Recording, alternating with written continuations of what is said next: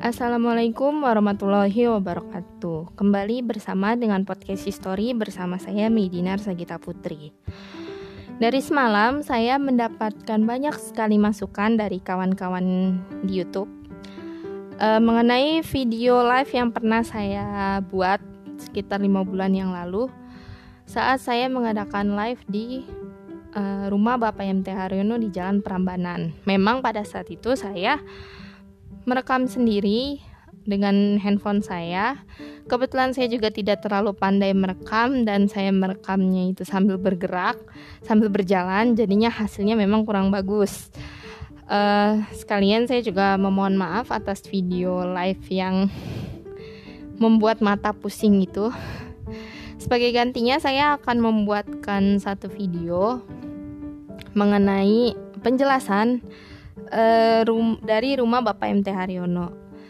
Seperti yang kita tahu, uh, Letnan Jenderal TNI Anumerta MT Haryono merupakan salah satu pahlawan revolusi. Rumah beliau terletak di Jalan Prambanan nomor 8, RT 9 RW 2 Kecamatan Menteng, Kota Jakarta Pusat. Nah, saya pertama kali datang ke sana itu sekitar pada uh, bulan Maret, tepatnya tanggal 4 Maret 2021.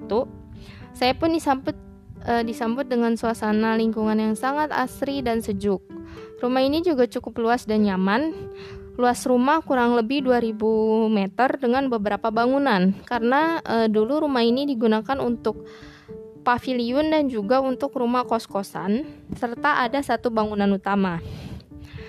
Nah, saya disambut dengan penjaga yang ada di sana. Saat itu yang jaga bernama Bu Ida dan alhamdulillah kami akhirnya menjadi akrab dan ada juga Pak Andre dan juga Pak Dedi.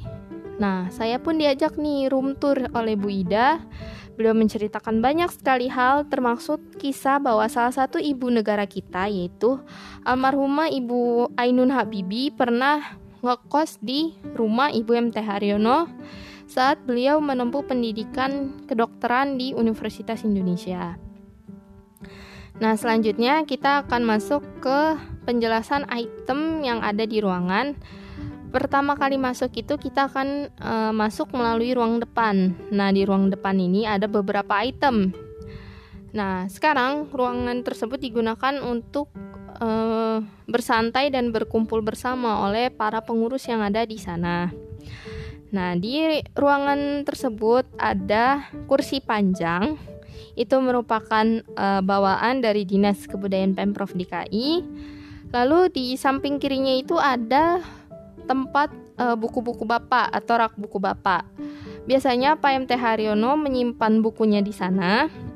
Lalu di sebelah kanannya itu ada rumah eh maaf ada meja kerja Bapak MT Haryono. Nah, biasanya Pak MT Haryono itu selalu bekerja di meja kerja tersebut. Nah, di di samping kursi panjang atau di belakang lebih tepatnya dekat ke arah dapur itu tuh ada meja makan uh, keluarga Bapak MT Haryono. Nah, selanjutnya itu ada ruang tamu. Nah, ruang tamu ini letaknya di belakang meja kerja. Di sana itu ada satu pintu yang nembus langsung ke area kebun atau area belakang sekarang. Nah, dulunya kebun tersebut itu merupakan uh, taman khusus anggrek tanaman anggrek karena Bapak MT Haryono itu sangat senang dengan tanaman anggrek. Beliau senang berkebun terutama menanam anggrek di rumah beliau. Nah, Pak MT Haryono sendiri juga pernah meminta kepada Bapak Sumitro saat itu Pak Mitro menjabat Pangdam Mulama Mulawarman untuk dicarikan anggrek hitam yang ada di Kalimantan. Namun, hingga peristiwa G30 SPKI terjadi, keinginan beliau belum kesampaian. Lalu ada juga tangga yang untuk lantai dua, tapi saya belum pernah ke lantai dua. Jadi bangunan utama ini uh, ada tingkatnya. Lalu selanjutnya ada ruang diskusi. Nah, di ruang diskusi ini biasanya Bapak MT Haryono itu membicarakan masalah kantor atau yang berurusan dengan negara. Nah, Pak MT Haryono sendiri eh, suka berdiskusi di ruangan tersebut bersama kolega beliau, asisten, ataupun staf beliau. Nah, di ruang diskusi ini itu ada tiga kursi dan satu meja, serta ada almari yang sering digunakan untuk uh, menyimpan dokumen-dokumen dari Bapak MT Haryono. Dan di uh, rumah utama ini ada tiga kamar. Kamar pertama itu letaknya agak paling depan, bisa langsung lihat ke jalan. Kamar kedua itu adanya di area tengah dan kamar belakang. Kamar ketiga itu uh, terakhir di dekat dapur letaknya. Nah, untuk kamar tidur Bapak itu letaknya di area yang paling belakang, dekat ke arah dapur. Nah, di kamar tersebut Pak MT Haryono ditembak oleh pasukan Cakrabirawa yang berusaha menculik, menculik beliau. Saat itu beliau hendak ke ruangan lain untuk menghindari pasukan Cakrabirawa, Cakrabirawa tersebut setelah mengungsikan keluarga beliau ke area kamar depan. Selanjutnya ada ruang e, kamar tengah. Kamar tengah ini ditempati oleh putra beliau yang nomor tiga kalau tidak salah berserta adik beliau dengan e, tempat tidur bertingkat.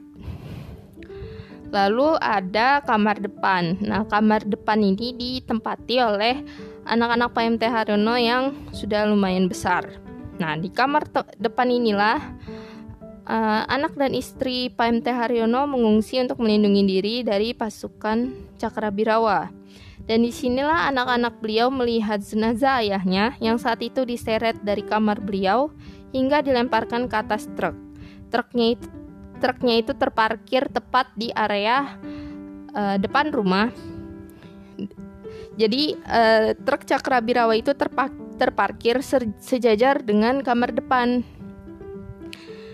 Nah, oke. Okay. Uh, eh, sekian yang dapat podcast history sampaikan untuk hari ini. Terima kasih sudah mendengarkan. Semoga bermanfaat. Salam.